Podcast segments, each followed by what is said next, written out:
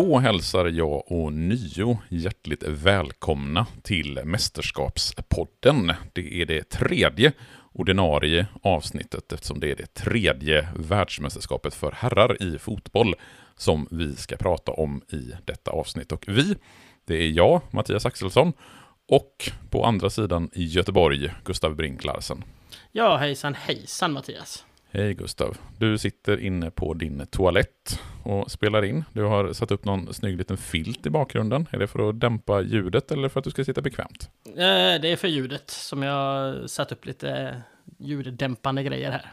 Så tycker ni att det är ett extra krispigt ljud idag så beror det alltså på Gustavs filt som han har satt upp i bakgrunden. Någonstans i mellan toalett och dusch i hans badrum. Har det för sig den varje gång, men ja, absolut. Mm. Men eh, vi ska prata om världsmästerskapet i fotboll 1938. Det är det som är ämnet för dagen. Mm. Men jag tänker att vi gör lite som vi gjorde förra gången för att återknyta och fräscha upp våra minnen. Vi gjorde ju ett avsnitt för en månad sedan om VM 1934. Vi kör de här fem snabba frågorna, tänker jag. Vilka vann? Italien. Vilka slog de i finalen? Tjeckoslovakien. Vem blev världsmästerskapets skyttekung? Det blev Tjeckoslovaken Aldrich Nejedly. Vad var Sveriges insats i detta världsmästerskap? Sverige gick till kvartsfinal, vilket innebar att vi vann en match mot Argentina och sen åkte vi ut mot eh, Tyskland i kvartsfinalen. Och nu, nu fuckar jag direkt upp det här med fem snabba. Alltså hur, hur ska man bedöma Sveriges insats i det här, i det här mästerskapet egentligen? Vad, om vi ska sätta den här 0 till 5 skalan. Ja, men att slå Argentina är ju skitbra liksom. Eh, Mm. Och sen att åka ut mot Tyskland är väl... eh, Ja, det är väl inget att skämmas för heller liksom. Nej. Så att, eh, ja, men en, en 3 plus liksom. Mm. Alltså, det, det kunde ju som mest bli fyra matcher och att man då fick spela två och vann en av dem. Eh, vilket var en överraskning. Så ja, får man väl säga klart godkänt. Vad, vilken var den stora snackisen från världsmästerskapet 1934? Ja men det var väl hela, nå, nå, nå- någonstans hela alltet. Alltså med Mussolini och fascismen och Italiens eh, väg fram där det snackas om domarskandaler och, eller mutor och hit och dit liksom. Så ja, fascismen får man väl säga Mm. var, var Jo, men det är väl lite grann det man tar med sig från det världsmästerskapet. Just eh, att eh, det är det fascistiska Italien som arrangerar mästerskapet, som vinner mästerskapet och som i väldigt stor utsträckning sätter sin prägel på mästerskapet. Ja, nej men absolut. Det är verkligen precis så det är. Mm. Men om vi då ska zooma in på världsmästerskapet 1938 som ju kommer att spelas i Frankrike så är det ju ändå en period om fyra år från 1934 till 1938. Och jag gissar att det ändå spelas något mästerskap i fotboll mellan dessa år. Europamästerskapen har ju inte kommit igång, men vi har väl andra turneringar att kanske åtminstone göra lite översiktligt eh, beskrivande eh, om. Ja, nej men om man bara tar det... Alltså, vi kan bara ta snabbt kan vi ta britternas, för de kör ju sina Home Championship varje år, så det tycker inte jag är så noga att gå igenom. Men vi har ju haft två sydamerikanska mästerskap. Ett som spelas redan i januari 1935, för som vi sa då i förra avsnittet så arrangerades ju inga sydamerikanska mästerskap som numera då kallas Copa America.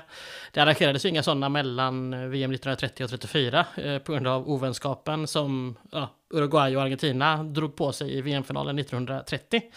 Men i alla fall, i januari 35 var det dags. Fyra lag ställde upp. Eh, både Uruguay och Argentina kom till spel, samt Chile och eh, Peru som var värdland. Jag har ingen aning faktiskt om varför Brasilien och de andra länderna inte ställde upp, eh, men eh, ja, med var de inte. Eh, Samtliga matcher spelades på Estadio Nacional i Lima och det var igen, alltså man mätte varandra en gång var och det lag som hade flest poäng vann. Eh, och när de fyra första matcherna var spelade hade Uruguay två segrar och Argentina likaså. Eh, och det gjorde ju att när Peru vann över Chile i match fem så kom de trea. Och sen blev det ju då i praktiken en final mellan Uruguay och Argentina. Eh, och Uruguay vann den med 3-0 och blev sydamerikanska mästare. Så fortfarande ingen lycka för, eh, för argentinarna. Mm. Och sen hinner man med ytterligare ett sydamerikanskt mästerskap innan det är dags för nästa VM-turnering. Ja, där är man snabba. 1937, återigen i, i januari. Eh, det började faktiskt i december 36 om man ska vara petnoga och avslutades 1 februari. Eh, även, den här, även den här gången var det alla lag möter varandra en gång i ett gruppspel. Sex lag den här gången. Eh, Peru sist, eh, Chile femma, Paraguay fyra, Uruguay trea. Eh, och Brasilien och, Brasilien och Argentina skrapade ihop åtta poäng båda två. Och eh, man vill absolut inte köra något inbördes möten eller målskillnad. Utan man arrangerar istället en finalmatch. Eh, och eh, den vann Argentina med 2-0 efter förlängning. Så till slut, äntligen, fick Argentina vinna någonting på mm. den här tiden. För de har ju varit mycket, många finaler och många förluster. Eh, men det som jag tycker är lite roligt är att det som gjorde att de slutade på 8 poäng, för de slog Brasilien i den ordinarie rundan. Men de förlorade ändå sin match mot Uruguay, som är någonstans är ärkefienden. Mm. Så att Uruguay kan ju fortfarande sitta där och bara nej, nej, nej, nej, nej, nej. Det, liksom, det eh, finns men, en viss smolk i bägaren även om Argentina vinner de sydamerikanska mästerskapen 37. Ja, jag, jag, vet inte hur mycket de brydde sig om det, men eh, jag tyckte mest det var, det var roligt. Mm. Sen har vi ju under den här perioden kanske det mest berömda mästerskapet eller den mest berömda internationella turneringen genom alla tider egentligen i någon mening. För vi har ju de olympiska spelen i Berlin 1936. Och det skulle man kunna prata mycket och länge om, både själva spelen men även fotbollsturneringen. Vi har ju en hel del klassiska referat, men vi ska inte fördjupa oss så jättemycket i det här avsnittet, eller? Nej, eh, utan vi kommer göra ett specialavsnitt om det. Eh, det vi kan säga här är att Italien gick och vann. Eh, inte helt kontroversfritt den här gången heller. Eh, och ur svensk synvinkel, synvinkel minns vi väl framförallt eh, OS i Berlin för Sven Jerrings klassiska japaner, japaner, japaner. Mm. Eh, då Sverige åkte ut eh, i åttondelsfinalen, alltså vår första match mot just mm. Japan. Och det är väl räknat som ett av de liksom, klassiska svenska missödena i fotboll, eller idrott överhuvudtaget. Ja. Man brukar ju ofta referera till just OS i Berlin 1936 och den förlusten mot Japan. Så det blir definitivt värt att göra ett specialavsnitt som väl blir tillgängligt då på poddens Patreon-sida någon gång i, när blir det? Mitten på november kanske vi släpper ja. det avsnittet? Ja, mitten eh, hyfsat tidigt tror jag. Mm. Så eh, vill du höra hela historien om OS i Berlin 1936 i allmänhet och fotbollsturneringen i Berlin 1936 i synnerhet, så gå in på patreon.com masterskapspodden och bli där månadsgivare för att höra hela historien om just eh, OS 1936. Ja, men Mattias, OS i Berlin 1936 och nu ska vi spela VM i Frankrike 1938. I ett Europa som väl helt ärligt inte mår jättebra, eller? Nej, alltså det kan man väl inte riktigt påstå. Att eh, det europeiska 30-talet, det är ju ett årtionde som någonstans börjar med den djupa ekonomiska depressionen som har sitt ursprung i USA, sen, sen, som sen sprider sig över världen. Och Tyskland drabbas ju jättehårt av den här ekonomiska depressionen. Och tittar man på hur Europa liksom utvecklas och vad som händer i länderna i Europa så faller ju land efter land i olika diktatorers händer. Och någonstans så kan man ju säga att det börjar redan under eh, första världskriget när den ryska revolutionen utmynnar i Sovjetunionen 1922.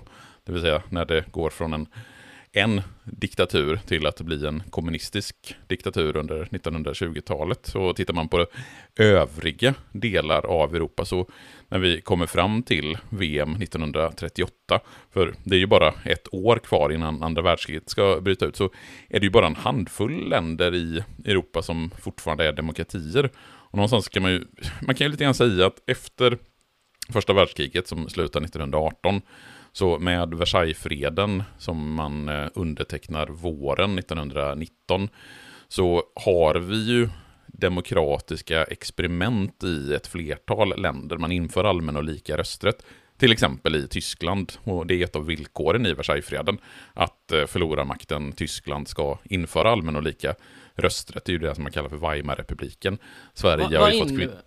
Förlåt, vad innebär allmän och lika rösträtt här? Är det män och kvinnor eller är det mm, som i Sverige tidigare att det bara var män och så vidare? När vi säger allmän och lika rösträtt, alltså allmän rösträtt innebär ju att alla får rösta. Sen är det ju alltid så här att, vi säger ju att vi får allmän och lika rösträtt 1921 i Sverige, eller att det är första gången vi har allmän och lika rösträtt i valet 1921. Ja. Kruxet är ju där att det är fortfarande ganska stora grupper som är utestängda från att rösta. Både män och kvinnor får rösta, det finns ingen begränsning i fråga om inkomst så som det har varit tidigare, men i Sverige då så är ju till exempel män som inte har gjort värnplikt får inte rösta. Nej, precis, är du satt under fattigvård så får du inte rösta.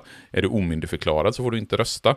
Det är ganska många inskränkningar och den sista inskränkningen i Sverige tas ju faktiskt bort först 1989 då man tar bort det här begreppet omyndigförklarad. För innan dess så fick ju de som då var omyndigförklarade fick ju inte rösta före 1989. Så i någon mening så kan man ju säga att allmän och lika rösträtt införs i Sverige först 1989.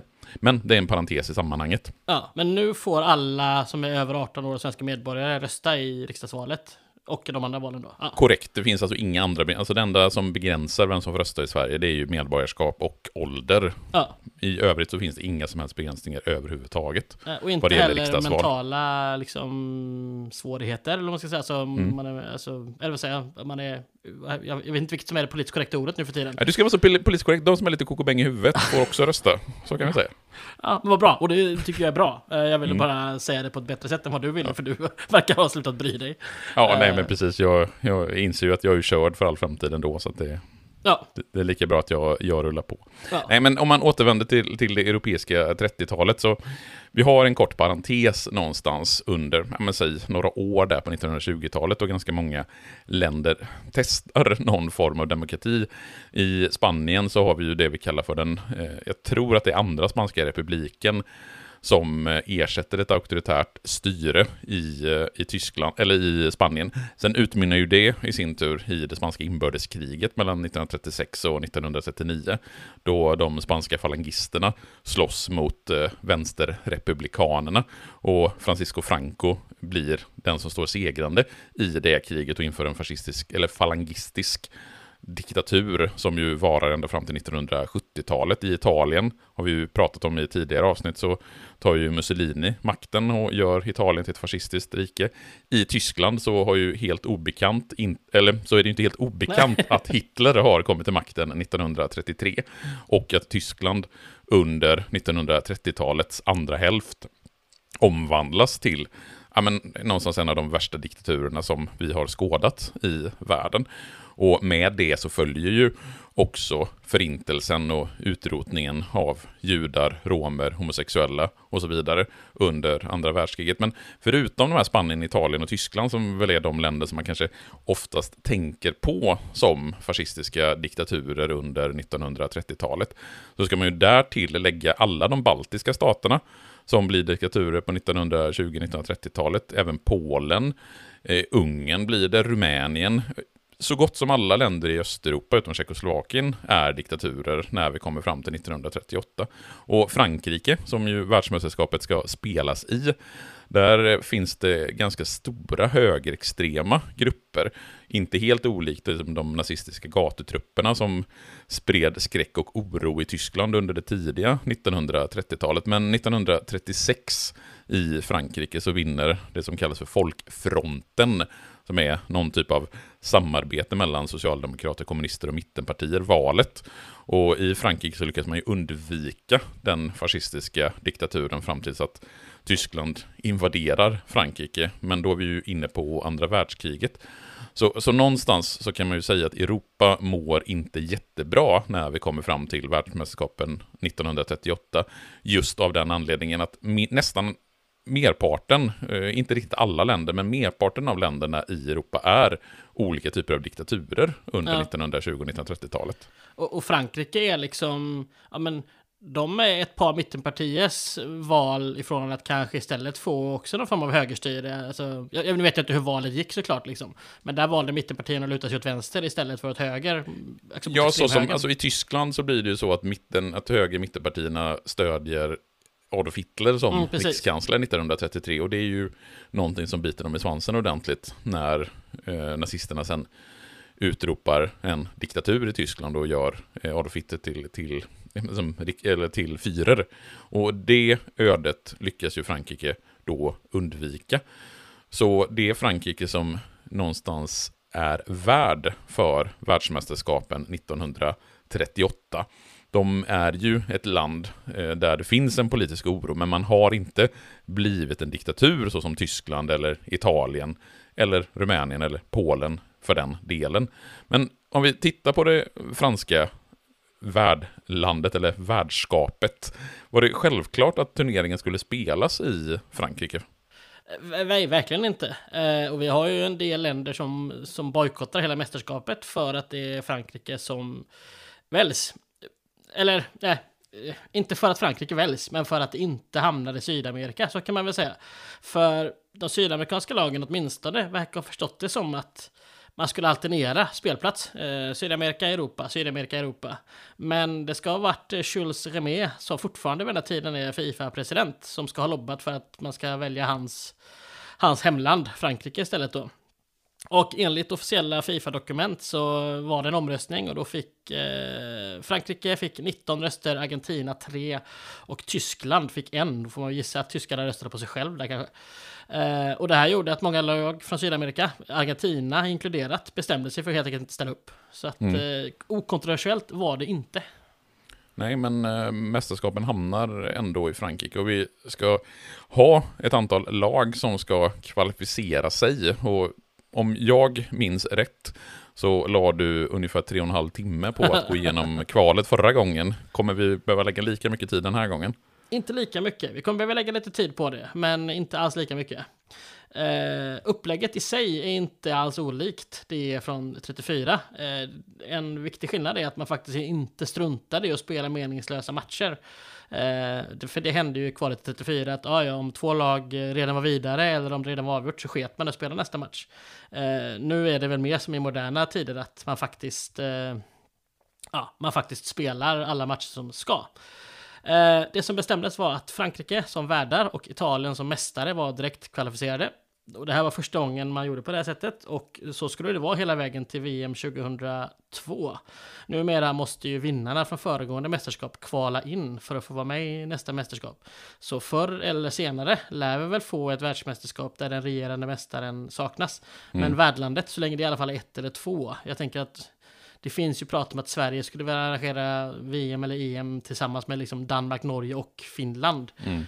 Då skulle väl inte alla fyra lagen kunna bli direktkvalificerade, det skulle väl bli för många tänker jag. Men, ja, det eh, känns som att det är svårt att få ihop det liksom. Ja. Om man inte utökar antalet deltagande lag ännu mer. Ja, och det ska man visserligen göra till VM 2026 då. Då ska det vara 48 lag med och tre lagsgrupper, vilket jag tycker ja. är ruskigt tråkigt. Det är ju hål i huvudet, varför? Det är ju... Ja. Mm. Och sen 32-delsfinal blir det väl, nej 16-delsfinal blir det ju. Eh, mm. ja. Jag gillar inte alls det upplägget. Jag tycker, man, jag tycker att fyrlagsgruppsystemet har gynnat oss väl. Oss väl. Mm. Eh, men eh, ja, jag menar Italien vann ju 2006 VM och sen har, dess har de ju missat två VM och åkt ut i gruppen i två. De hade ju lika gärna kunnat missa 2010 då känns det som. Mm. Så att förr eller senare kommer vi få ett världsmästerskap där det saknas en försvarande eller en regerande mästare. Mm, så vi har två direkt kvalificerade lag till den här mm. VM-turneringen 1938. Så det är alltså 14 platser som är up for grabs, så yes. att säga. Hur, hur går det till? Hur fördelar man platserna mellan de olika kontinenterna till exempel? Givetvis helt rättvist och demokratiskt. Mm. Vilket innebär 11 platser till Europa, två till amerikanska lag och då är det alltså två till lag från hela amerikanska kontinenten. Mm. Och så ett som ska gå till ett asiatiskt eh, lag. Mm. Och det, det, går fortast och enklast att liksom börja bakifrån här, så att städa av Amerika och Asien. Eh, för från Asien var Japan och eh, Nederländska Ostindien anmälda. Eh, mm. Och Japan drog sig ut, vilket gav Ostindierna en gratisplats i VM. Det är så roligt att man får säga Ostindien. Ja. Det, man, får ju liksom en hel, man får ju liksom en bild av Mahatma Gandhi med en chevre på huvudet när du säger Ostindien där. Men, men Ostindien det är ju den det gamla, eller det är det som är Indonesien idag, alltså den nederländska ja. kolonin som man har från ja, men typ 1800-talet fram till att eh, Indonesien blev självständigt.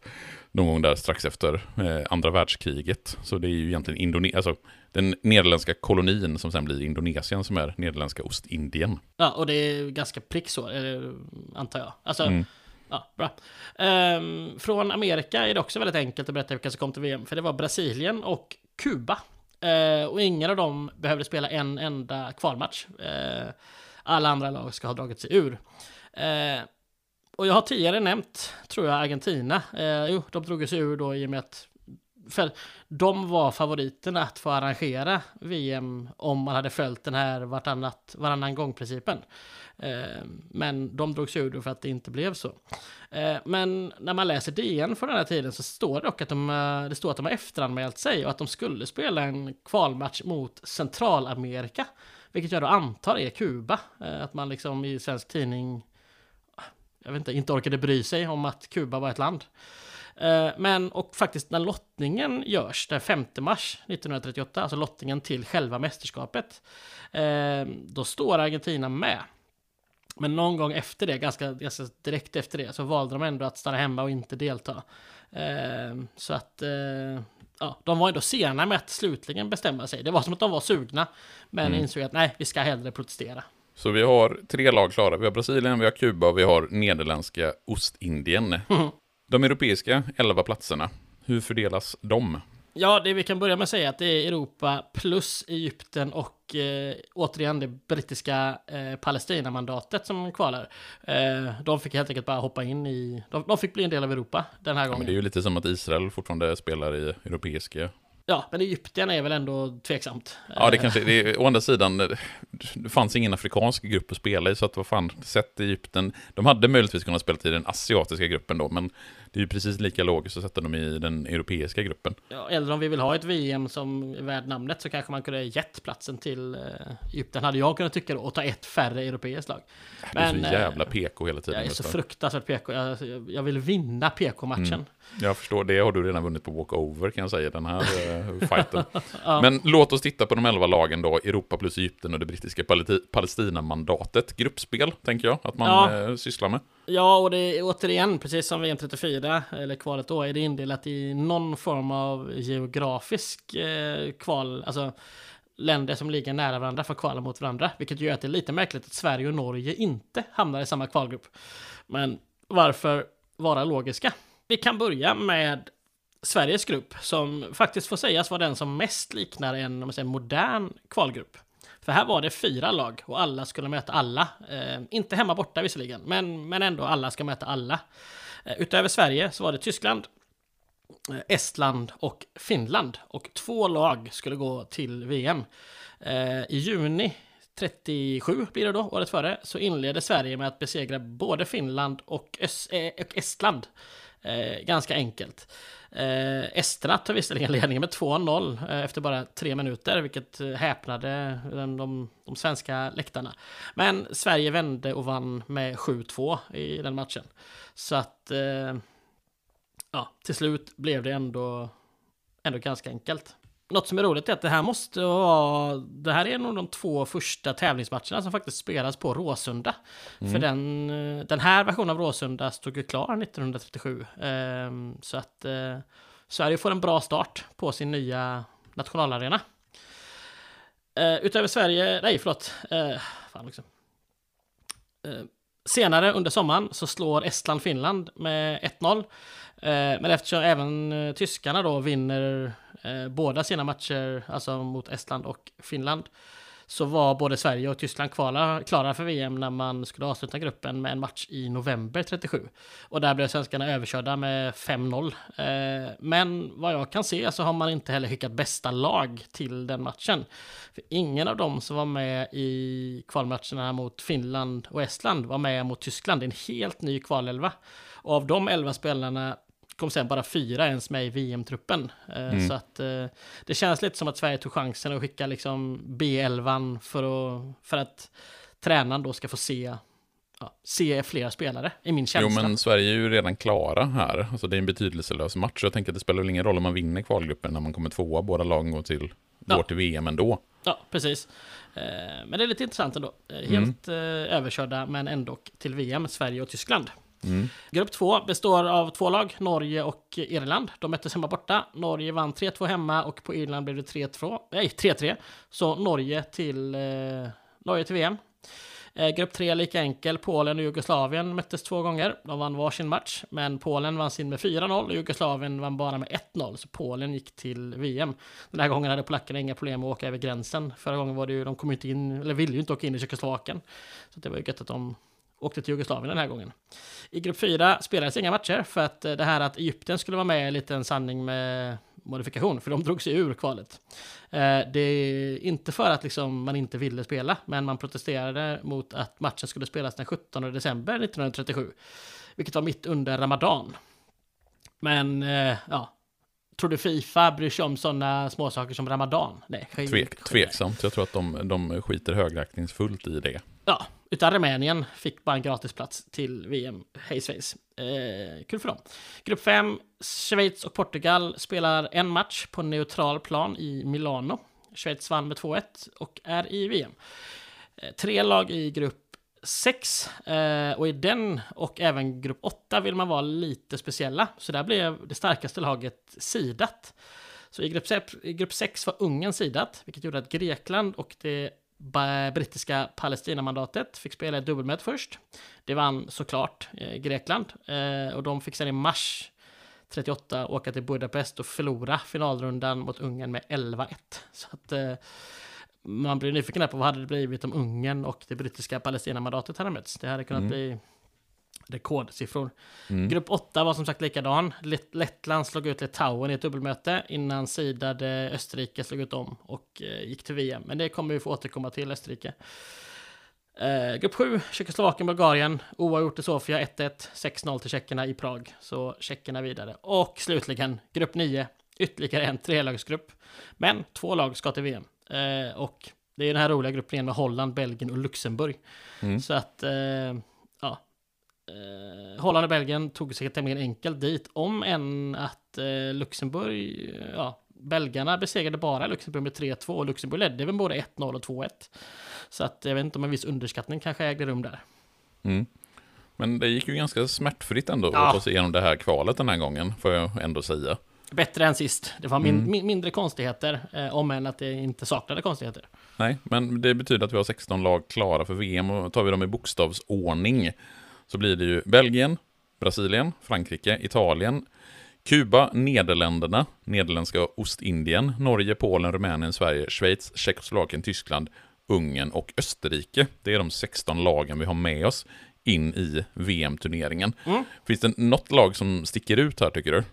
Ja, men ett gäng lag tycker jag sticker ut. Um, Dels är det ju roligt, eller duktigt, av eh, Belgien, Brasilien, Frankrike och Rumänien som eh, håller fast vid sin trend att vara med i varje mästerskap. Visst, hur duktigt det är av Belgien att gå vidare i en grupp med Luxemburg och, hur, och både Rumänien och Brasilien gick vidare gratis. Men ändå, de är där mm. och det ska de ha.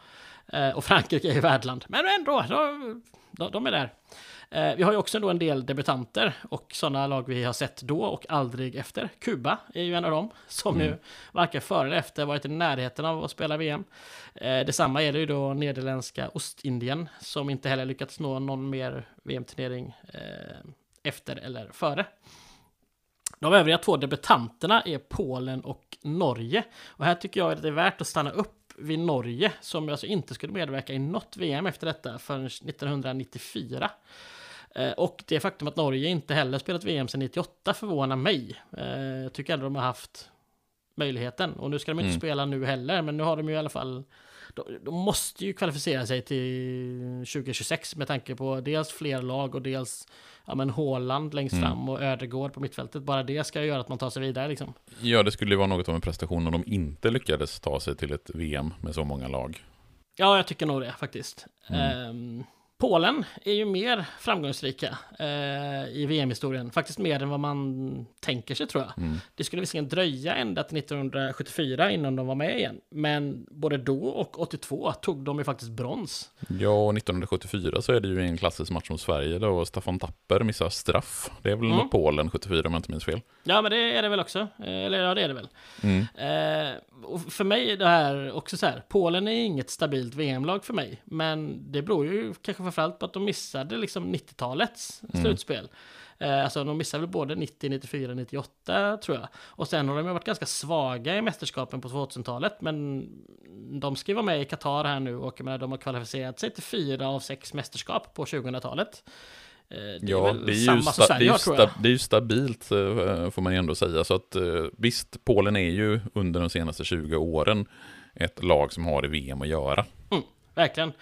Eh, men till sist någonstans, vilket ju leder oss in på nästa punkt. För eh, 1938 är sista gången vi ser ett enat Tyskland på länge. Eh, för efter andra världskriget blev det ju Västtyskland som blev en dominant, medan Östtyskland bara nådde VM en enda gång. Men det var ju faktiskt inte förrän 94 som ett, ja, men ett lag, eller ett land som hette Tyskland, spelade VM igen. Om än att 38 är väl också lite, alltså så här, det är inte bara Tyskland då, mm. för att vi får ju inte 16 lag i turneringen, utan vad, vad händer med Österrike? Ja, det hände ju grejer där i, eh, i mars 1938. Och det är ju det här som har gått i historien som Anschluss, det vill säga den eh, tyska invasionen och ockupationen och införlivningen av Österrike i det tyska riket som någonstans blir en av de här dominobrickorna som leder fram till att andra världskriget bryter ut. Och ska man förstå bakgrunden till Anschluss så tänker jag att man kan backa faktiskt till slutet på 1800-talet, för Tyskland är ju en relativt ny nation. Jag tror vi pratade om det redan i förra avsnittet, det här att Eh, Tyskland enas inte förrän 1871. Och när Tyskland enas som ett land så finns det ju redan då tankar på att Österrike ska vara en del av det här tyska riket, eller åtminstone delar av Österrike. Österrike-Ungern, dubbelmonarkin, har ju funnits sedan 1867, så det är också en relativt ny skapelse när Tyskland bildas. Din favorit dubbelmonarki, va? Ja, jag, om jag skulle lista mina bästa dubbelmonarkier så tror jag att Österrike-Ungern åtminstone har en pallplats bland de dubbelmonarkierna. Fråga mig snälla inte om vilka andra dubbelmonarkier jag gillar. Fan också. ja, jag, skulle snabbt, jag skulle kunna googla upp om och hitta någon mer ja, dubbelmonarki, men vi det. låter det vara och ja. hoppar istället fram några år, eller några årtionden, för Österrike blir ju inte en del av Tyskland. Däremot så hamnar ju Österrike-Ungern och Tyskland på samma sida i första världskriget och går inte jättebra för dem, för de hamnar ju på den förlorande sidan. Och i Versaillesfreden 1919 så döms ju både Tyskland och Österrike-Ungern som förlorare. Och precis på samma sätt som Tyskland får betala ett enormt skadestånd så får ju också Österrike-Ungern betala ett stort skadestånd. Och inte bara det, utan Österrike-Ungern upplöses ju som eh, som land eller som eh, statsenhet. Ja, ja. Det blir en massa självständiga länder, bland annat då Österrike. Det, finns, det är en kort parentes där direkt efter kriget, man har något som kallas republiken Tysk-Österrike. Men det som blir det bestående, det är ju republiken Österrike. Och det är ju ett ganska litet land, 6 miljoner invånare lite drygt. Och jämför man det med Österrike-Ungerns befolkning så är det bara 12 procent av vad det här jätteriket tidigare var. Oj. Den som är den stora grejen, det är ju att nu så blir hela befolkningen i Österrike i princip, eller åtminstone den stora, stora, stora majoriteten blir tysktalande. Ja, för Österrike har väl inte den här Schweiz-grejen att de har fyra officiella språk? Utan Nej, Österrike de är ju är väldigt tydligt kopplade både ja. språkligt och kulturellt i någon mening till Tyskland. Så det är ju liksom ingen, det är inget konstigt att man redan i slutet på 1800-talet tänkte sig att delar av Österrike skulle ingå i det tyska ja. riket. Och tittar man på perioden direkt efter första världskriget så drabbas ju Österrike hårt. Det är ekonomiskt tufft och en majoritet av befolkningen vill faktiskt ansluta sig till Tyskland. Men det är någonting som segrarmakterna efter första världskriget förbjuder. För de Aha. vill inte ha ett starkt Tyskland. De vill, inte, de vill liksom splittra så mycket som möjligt av ja. de här förlorarmakterna. Och Österrikes liksom, politiska liv under mellankrigstiden, det är väldigt polariserat. Vi har å ena sidan det man kallar för ett kristligt socialt regeringsparti som lutar åt den italienska fascismen och å andra sidan har vi en opposition bestående av radikala socialister. Så det är liksom väldigt polariserat, på samma sätt som det är i Tyskland under samma period, där man har väldigt, liksom väldigt starka kommunistiska rörelser på, på vänsterkanten och en stark nazistisk rörelse på högerkanten. Och med början 1933 så upprättas en auktoritär regim av förbundskansler Engelbert Dollfuss som sen blir en fascistisk diktatur. Och Österrike är ju ett av alla de länderna som blir diktaturer under 1930-talet. Det som är lite speciellt med eh, Dolphus, det är ju att han vill skapa sin egen österrikisk fascism. Alltså en fascism som inte ska gå i Hitlers ledband eller nazisternas ledband, men är både motståndare såväl till kapitalism som socialism och man vill liksom bygga på kristna värderingar. Och Dolphus han bekämpar såväl socialisterna som nazisterna, vilket gör att han i ett kuppförsök 1934 mördas av just nazistiska kuppmakare. Ja, han, har väl ing, han har inga bundsförvanter typ då liksom egentligen? Ja, det, Alla de, tycker de, om han, nej, honom. men de han har som bundsförvant, han lutar ju sig mer mot Italien och den italienska varianten. Och det här är ju innan Italien och Tyskland liksom har gått i den här järnaxeln. Så, så Dolphus han är ju mer åt den italienska fascismen och mm, inte alltså, renodlat nazist. Ja, Uh, Men sen så efterträds han av Kurt von Schuschnigg. Schuschnigg. Eh, och Bra uttal. Ja, mitt tyska är väl kanske inte mitt, eh, mitt främsta andraspråk.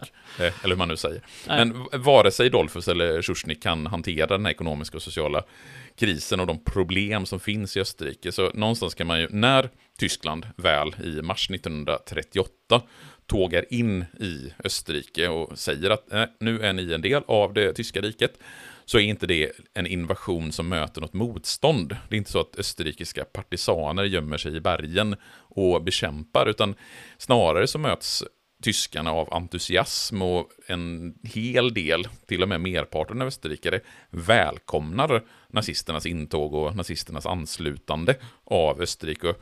Om det eventuellt fanns någon opposition så blir ju de antingen förföljda eller till och med mördade. Så den här anslutningen, införlivningen av Österrike i det tyska riket, det möter inte något vidare motstånd, men det får ju som konsekvens att Österrike upphör att existera som en självständig nation, vilket ju får en påverkan på det här världsmästerskapet. Men bara, I och med förlåt. Fin, Finns det någon form av liksom att Hitler kommer hem? Alltså sådär, om du förstår vad jag menar. För han, han var ju ändå österrikare. Eh, ja, nej men alltså det, jag tror att man ska snarare se det som det här att österrikarna i den här situationen som har uppstått lutar sig liksom norrut och i och med att de är tysktalande, det finns en stark koppling mellan den tyska kulturen och den österrikiska kulturen. Det är liksom inte två diametralt motsatta länder Nej, som skiljer sig åt. Eh, Jag vet tusan om man kan tänka sig att Hitler, Hitler kom hem, även om han liksom född i, i Österrike så var han ju, han såg ju sig som tysk. Jag tror Ja. inte han såg sig som österrikare, utan snarare att han då införlivar det som han, rätt, det som han tänker sig som rätteligen tillhörande Tyskland. Ja. Att det är snarare så man ska se det. Okej. Med. Men det får i alla fall som konsekvens att Österrike upphör att existera som självständig nation. Mm.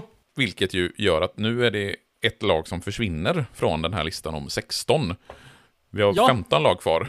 Bör man inte då liksom försöka få med ytterligare något lag för att få... Vi, vi har ju ändå 16 jämnt delbart som man kan ha åttondelsfinaler.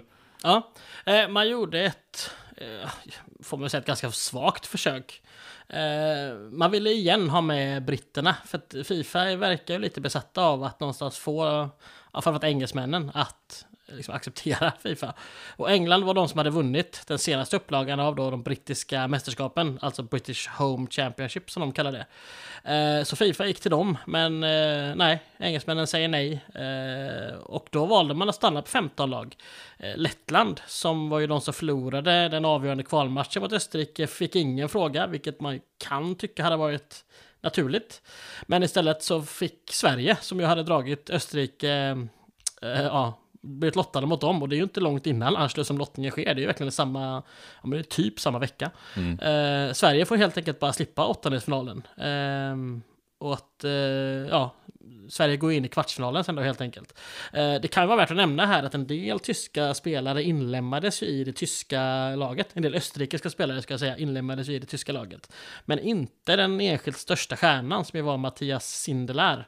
Han vägrar spela för, eh, ja, för, för Tyskland då liksom. Mm. Och det här, den tyska coachen är inte helt jättenöjd med det här.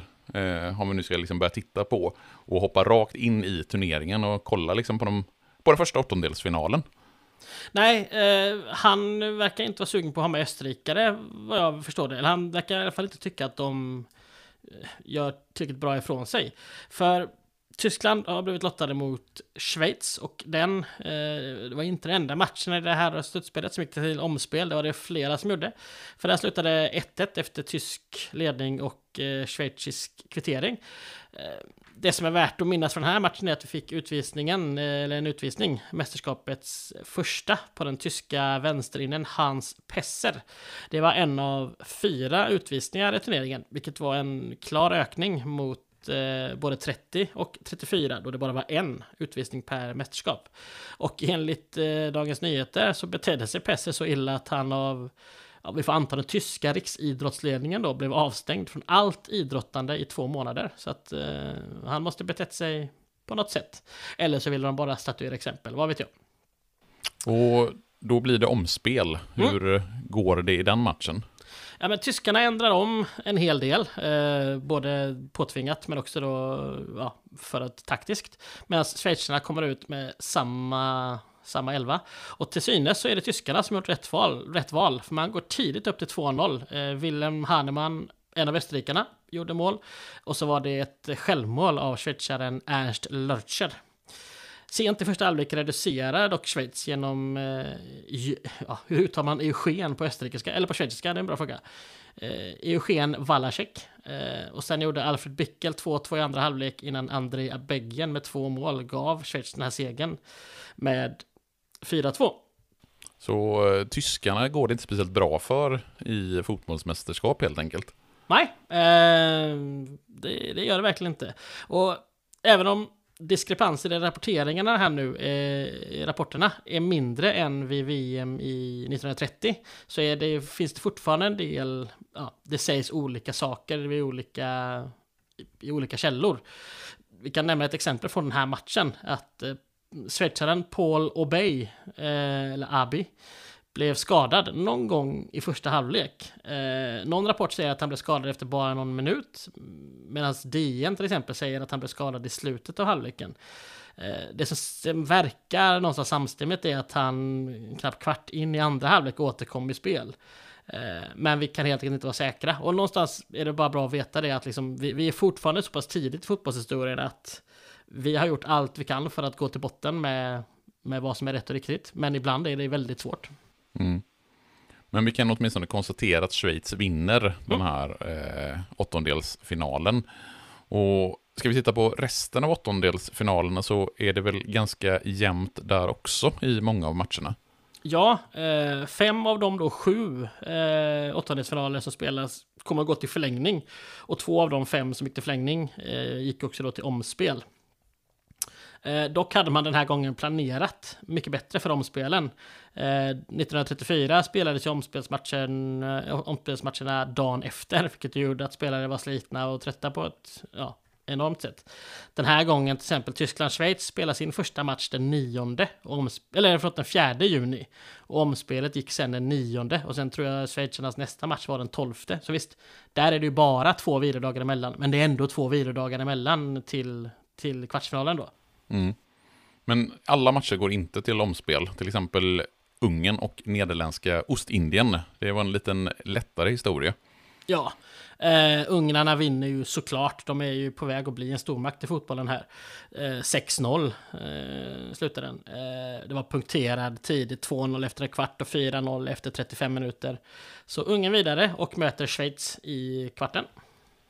Och Sveriges motståndare i kvartsfinalen, det ska avgöras eh, i en drabbning mellan Kuba och Rumänien, vilka Sverige ska få möta i kvartsfinal. Sverige spelar ju då ingen kvartsfinal, eller åttondelsfinal som ni redan har fattat, eftersom Österrike har då har dragits ur. Exakt. Eh, och Kuba ska, ja de imponerar. Eh, man hade 2-1 fram till slutminuterna då rumänerna lyckas eh, kvittera. Och sen tog man igen ledningen i förlängningen. Men sen kvitterade rumänerna igen och då fick vi 3-3 till slut och omspelet. Och eh, Dagens Nyheters Anton Johansson rapporterar från omspelet så gör han det med väldigt positiva tongångar ur svensk synvinkel. För Kuba gick och vann, eh, trots att Rumänien enligt honom var minst en klass bättre. Eh, Rumänien tog ledningen i första halvleken efter mål av, eh, nej och sen ja, efter mål av Hector Socorro och Thomas Fernandes kunde Kuba istället, ja, de vände och vann med 2-1 och eh, ja, då några, några dagar senare, eh, för det var samma här, jag tror de spelade den fjärde och sen den nionde, och sen skulle de möta Sverige den tolfte då, i kvartsfinal. Mm. Men innan vi kommer dit så ska vi klara av den, så att säga, andra halvan av slutspelsträdet. För vi har ju fyra matcher kvar att gå igenom av åttondelarna. Vi ska vi börja med Italien som är regerande mästare. Mm, de gick in i mästerskapet nere i Marseille och fick då en repris på sin semifinal från OS två år tidigare, alltså Norge som eh, står för motståndet. Och det blev väldigt mycket av en identisk matchutveckling faktiskt. Eh, för precis som i OS så tog Italien ledning i den första halvleken. Den här gången gjorde Pietro Ferraris mål. Innan Arne Brusta kvitterade i den andra och Brusta var mycket riktigt också den som kvitterade även i OS-semin. Förlängning blev det och eh, även i den här matchen avgjorde italienarna tidigt i den 94 minuten. I OS 36 avgjorde de i den 96 minuten. Så att italienarna gick vidare till kvartsfinal och för Norge som ju ändå ja, men får man ändå säga var ett starkt lag, mm. eller? Eh, om de ändå lyckas, mm, alltså regerande världsmästarna eh, får de stryk med i förlängning två gånger mm. på tre år. Det är ändå imponerande måste jag säga. Ja, de känns ju inte som en blåbärsnation direkt i det här läget i alla fall. Nej, eh, man tycker inte det. Och när DN rapporterar så ska norrmännen ha varit oerhört bra, till och med bättre än italienarna. Och det skrivs att Brusta i slutminuterna av ordinarie tid också hade en boll i mål, men han blåstes av för en oerhört tveksam offside enligt DN. Mm. Sen ska man kanske fundera här på hur var liksom den nordiska partiskheten här, hur mycket ville DNs utsända att Norge skulle vinna. Jag vet inte. Jag tycker bara det kan vara värt att, att nämna det. Jag vet inte hur mycket nordisk hur mycket nordisk nationalism det fanns kontra Italien om man säger sådär. Ja, det är ju rätt intressant att fundera över. att Det är ju ett brödrafolk och det är ju inte jättemånga, ja, det är ju tre decennier sedan eh, Norge lämnade unionen med Sverige, men banden mellan Sverige och Norge är ju starka och har ju fortsatt vara starka under liksom, eh, fortsättningen. Så att det är inte omöjligt att tänka sig att det finns en viss partiskhet i rapporteringen. Så är det ju definitivt. Nej, men då är det inte, eller så här, det kanske bara är jag, men jag kan känna så, när vi möter Norge i någonting, eller möter Danmark, då är det ett rejält jäkla agg. Men sen när de möter lag långt bortifrån, ja men då vill jag ju nästan hellre, ofta, mm. inte Norge alla gånger, men Danmark, som ju ändå min, min morfar var dansk liksom. Mm. Så att, eh, det är väl lite så, man hatar varandra här i, i närhet. Alltså, när man fightas. Men sen när de är borta och fightas så är det ändå deras rygg man har. Mm. Ja, någon, någon, någonting sånt finns det i alla fall. Ja. Kanske inte för alla. Nej. Men om vi går vidare med åttondelsfinalerna och mm. tittar på hemmanationen Frankrike som ska möta sin granne Belgien. Mm. Vinnaren där skulle få Italien i kvartsfinal. Eh, vi kan börja med eh, DNs underrubrik som visar vilka tider det var. För, ja, nu kommer jag säga ett väldigt fult ord. Eh, för neger glänste inför 40 000 lyder under eller rubriken till den här matchen. Mm. Ja, och det är liksom... Ja. ja. men det, alltså det ordet, alltså n-ordet, det är ju ett ord man använder mm. under, alltså, och det är ju långt fram i historien som det faktiskt är ett ord som är comme få. Mm. Det är ju inget konstigt att använda, det finns ju i någon mening inga rasistiska, det är klart det finns undertoner för att det är ett i grunden rasistiskt samhälle. Men just så som vi tänker ordet idag, det, de kontonationerna hade de ju definitivt inte här 1938, skulle jag säga. Utan det var ju en så, så nära neutral beskrivning man kunde komma av en person som var mörkhyad. Ja, rubriken menar inte att vara nedsättande mer än att de generellt kanske är nedsättande mot svarta. Liksom. Mm. alltså, sådär. Nej, men, nej, men lite, lite, så, lite så är det ju faktiskt, att det finns en, en, en grundinställning som är rasistisk, ja. men själva n-ordet i sig är inte rasistiskt mer än vad allting annat är rasistiskt. Nej, jag fattar. Skitsamma, låt ja. oss eh, titta på vad, vad händer i Frankrike-Belgien-matchen. Ja, men jag vill stanna lite på den här mörkhyade, för att när jag ser sådana här rubriker som liksom, de, de sticker ju ut idag väldigt mycket när man kollar igenom arkivet och så står det ja, men, så här.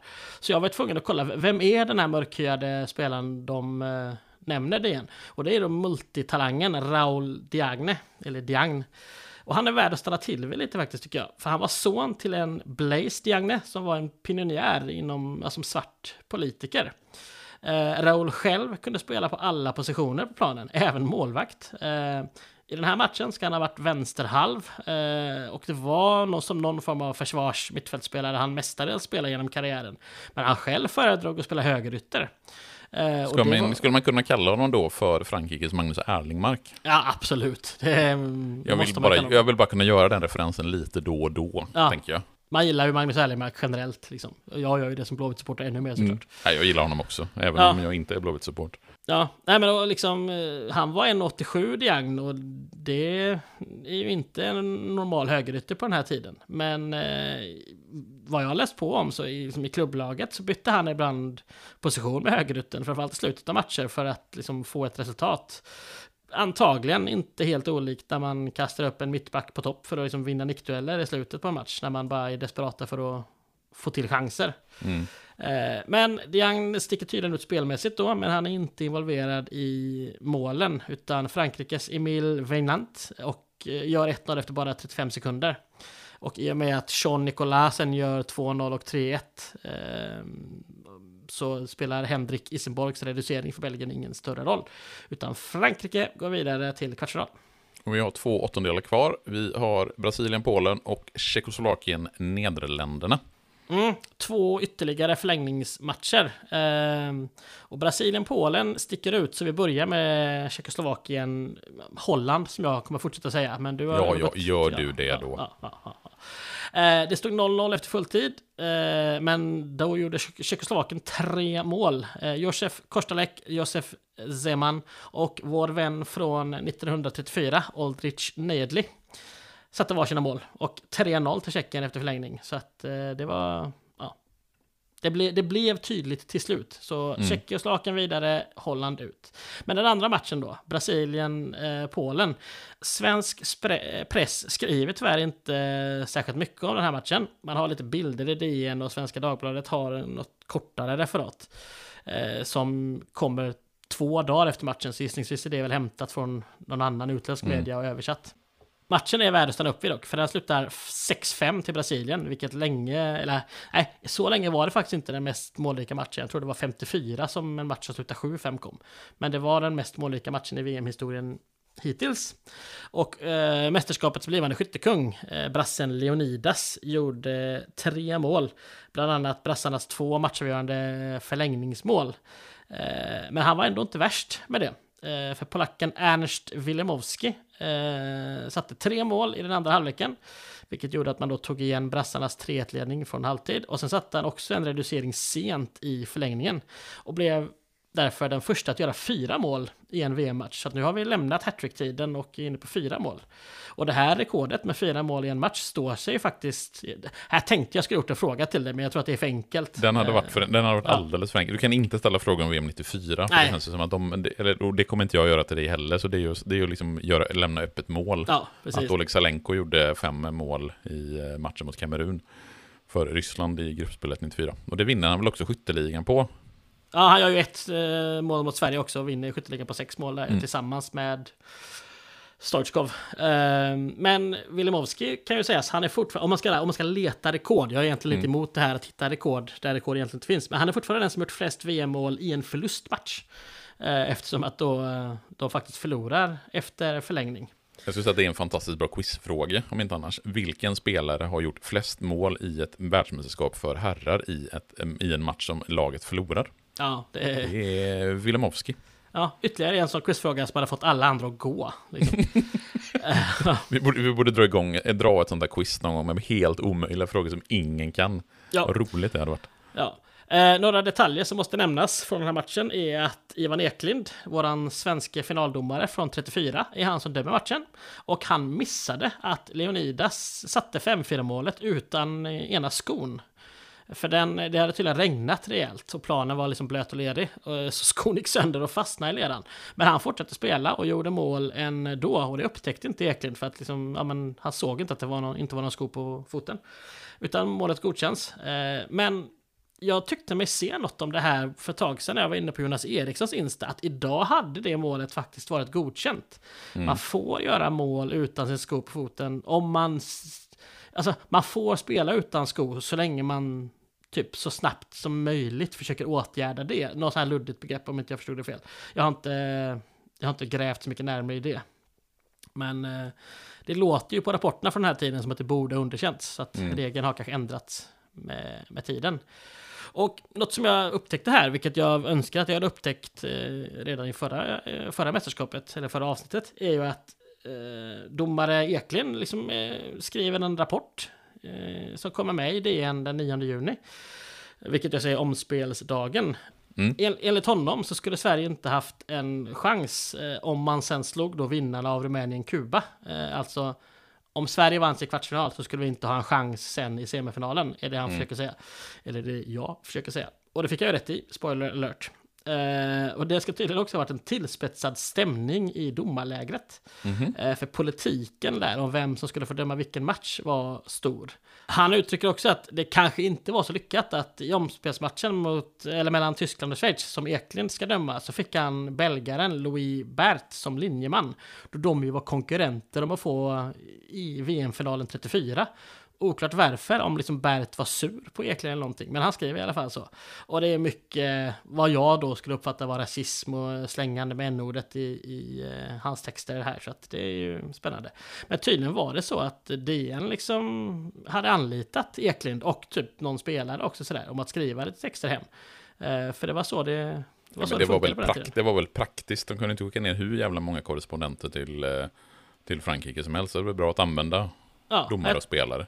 Ja, jag tror de skickade ner en eller två själva och Mm. sen använde de folk som ändå skulle ner. Men det är ja, Det härligt. funkar väl alldeles utmärkt. Ja. Men vi är klara, sju stycken åttondelsfinaler har spelats, men åtta lag ska ställa upp i kvartsfinalet som Sverige automatiskt är vidare. Ja. Eh, vi har alltså Italien, Frankrike, Brasilien, Tjeckoslovakien, Ungern, Schweiz och Sverige, Kuba Mm. i kvartsfinaler. Och det är väl lämpligt kanske att börja med Sverige-Kuba. Ja, det tycker jag. Vi tar den matchen hyfsat fort, för Sverige är verkligen dominanta från stal, eh, start. Planen ska, vad DN påstår, varit såphal på grund av regn och det ska ha gynnat eh, svenska laget.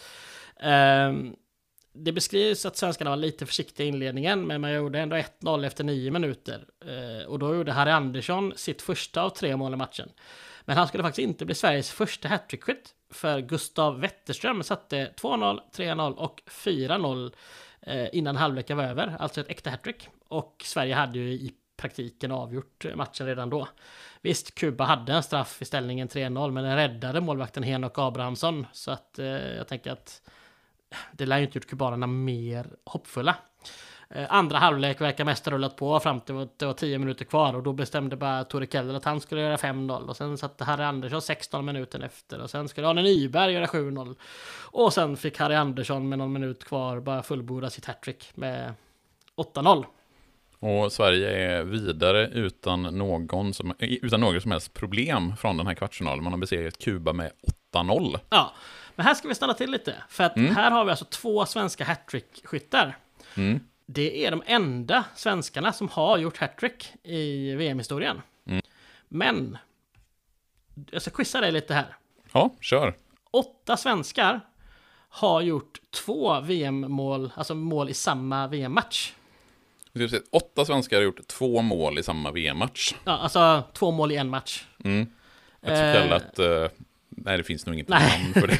Nej, jag vill liksom, och en del av dem är ganska självklara. Så att Mm. jag, alltså, du ska kunna nämna vilka spelare det är, i vilket mästerskap och vilka, vilka de mötte. Okej, vi, vi Och du ska tar... ha fem för att vara godkänd. Ja, Henrik Larsson, Nigeria, 2002. Det är korrekt. Sen måste vi ha, ska vi se, mot vad fan, Saudiarabien så är det väl, alltså 94, är det Martin Dahlin eller Kent Andersson som gör två mål i den matchen? Ja, det är ju frågan. Eh, jag kan ju avslöja nu- att båda två gör mål i den matchen. Ja, jag, jo jag vet det. Eh, jag tror, ska vi se här, eh, Kenneth Andersson gör mål mot Ryssland, Dahlin, nej han gör mål mot Brasilien, men Dahlin gör väl för fan två mål mot eh, Ryssland i andra matchen 94. Är det ditt svar? Nej, vänta nu. Jag ska tänka här nu. Eh, eh, Brolin gör 1-1. För 1-1 står det i matchen och 1-1 1-1 står, det på- 1-1 står det på tröjan, 1-1 står det i matchen. Eh, och sen så gör Dalin två mål till, så att han gör två mål eh, mot eh, Ryssland i Mm. andra matchen. Och då vet jag fan om det inte är... Kenneth Andersson som gör två mål mot, eh, mot Saudiarabien i eh, åttondelen blir det då 94. Så de, Mm. de säger. Eh, har vi någon mer 94? Det är ju inte i första matchen eh, Ryssland och inte andra matchen då mot Ryssland, inte mot Brasilien för det är Kenneth Andersson, ska vi säga Rumänien. Vi har inga fler 94 kan Nej, vi har inga mer 94, Nej. ska vi inte gå igenom det. Mm, eh, 90 gör vi bara ett mål i varje match. eh, 58, kan du, om jag säger så här, är det någon 58? Det är det. Ja, eh, då säger jag... Är det något som jag rimligen borde kunna? Nej, det tycker jag inte. Nej, då är det Eh, inte typ semifinal mot Västtyskland att Gunnar Gren gör två mål i den matchen. Nej. Eller något sånt där. Jag kan säga att en av eh, tvåmålsskyttarna har vi pratat om i podden. Alltså inte idag, utan i ett tidigare avsnitt. Eh, Sven Jonasson, har Stämmer. han gjort två mål? Gjorde han två mål i någon av dem i 34 där? Som jag inte kommer ihåg nu. Jag säger Sven Jonasson 34. Mm. Jag kan inte säga någon match där då. Ah, Okej, ja, han gjorde två mål mot Argentina i den matchen. Du får ett halvt rätt. Ja, eh, ska vi se hur många har kvar nu då? Eller hur många Ja. gissningar har jag kvar? Äh, gissningar har du mängder av, men du, du har tre eh, och en halv poäng. Du ska upp till fem för godkänt, så du måste fortfarande få två till då.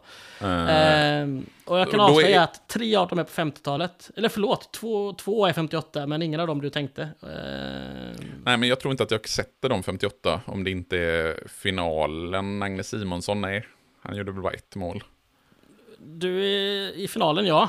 Spelaren kanske du ska hålla fast vid, men eh, om du nej, har du inte det så har du inte det. Nej, jag tror inte att jag har... eh, Jag, jag kan inte enskilda målskyttar i enskilda matcher där. Nej. Eh, Jag kan Kurre Hamrin att han gör 3-1 mot Västtyskland, men Ja. jag kan inte de andra.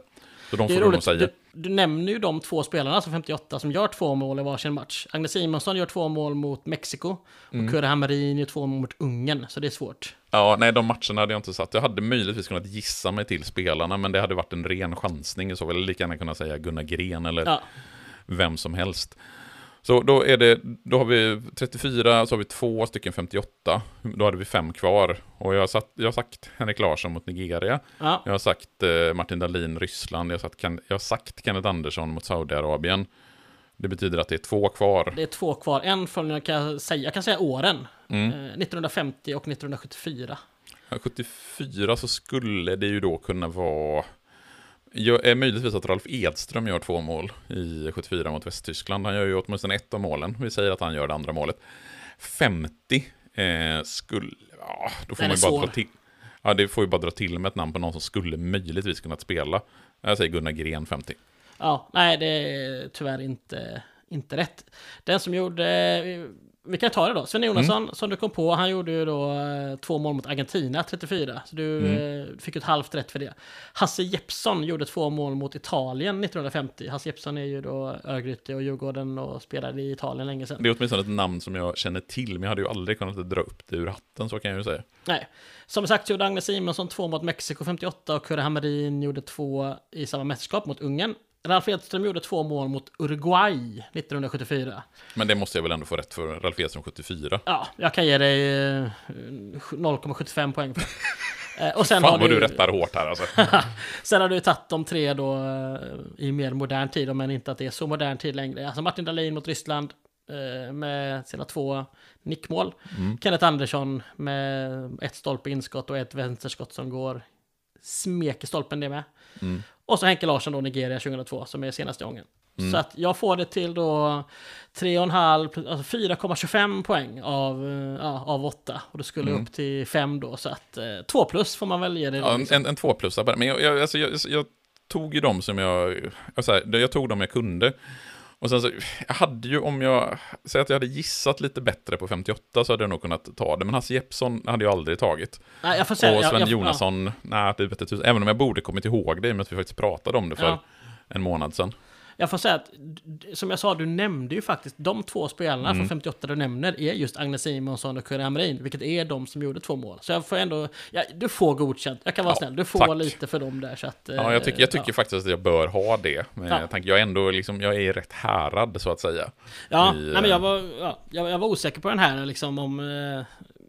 Eftersom tre kändes självklara. Mm. Och den fjärde, jag tänkte att du kanske skulle komma ihåg Sven Jonasson eftersom han ju tillhörde ditt, ditt lag så att säga också. Mm. Eh, Så då tänkte jag att ja, men då är det fyra som är självklara, då ska du bara komma på en till. Nej, men alltså grejen är att de andra, förutom Hasse Jeppsson, så de andra är ju inte omöjliga att Nej, eh, liksom, eh, resonera sig fram till. Till exempel Ralf Edström 74, även om jag, satte, om jag tog fel match där, Mm. så ja, men den, och även Agnes Simonsson och Kurre Hamrin hade kunnat säga Gunnar Gren eller någon annan. Ja. Men, Ja, men vi höjer men det till absolut. plus gör vi. Mm. Eh, Ja, men vi kör godkänt. tre plus, då är, det är jag mycket, mycket nöjd med. Ja, bra. Ska vi fortsätta med, med kvartsfinalerna? Eh, Ja, vi har ju en, eh, en match på Sveriges sida om slutspelsträdet, så att säga.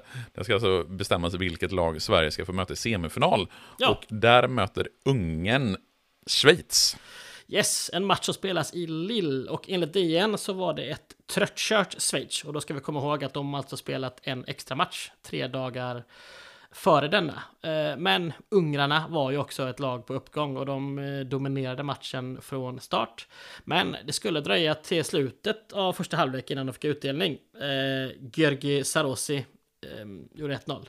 Sen ska schweizarna ha skärpt sig i andra halvlek och, och kommit in i matchen. Men eh, samtidigt som ändå ungrarna faktiskt fortfarande var farligast. Och med bara någon minut kvar så, eh, ja, 2-0 kommer av Gyla Sengeler, som jag väljer att uttala det. Med, jag ber om ursäkt till alla mina ungerska vänner för de här slakten av, av uttalen. Så Ungern är det som väntar i Sverige för, ja, för Sverige i semifinalen. Så vi har Ungern och Sverige klara för semifinal. På andra sidan, slutspelsträdet, så har vi Italien, Frankrike, Brasilien, Tjeckoslovakien. Ska vi börja med vad ska vi säga, sydeuropeiska derbyt mellan Italien och Frankrike. De regerande mästarna Italien, hemmanationen Frankrike. Laddat, laddat. Verkligen, och italienarna fortsätter ju spela i sitt då fascistsvarta ställ. Eh, de ska turneringen igenom ha mötts av protester från antifascister mer eller mindre vart än de kom, men eh, ja, jag vet inte om jag ska se dem som positivt, men, men de står på sig i alla fall. Eh, enligt eh, DN så de skriver i sin rapport om matchen att italienarna före den här matchen togs emot väl och att såväl spelare som publik skötte sig under hälsningsceremonierna och att händerna var ut med sidorna. Vilket så inga, inga fascisthälsningar eh, får man väl säga då.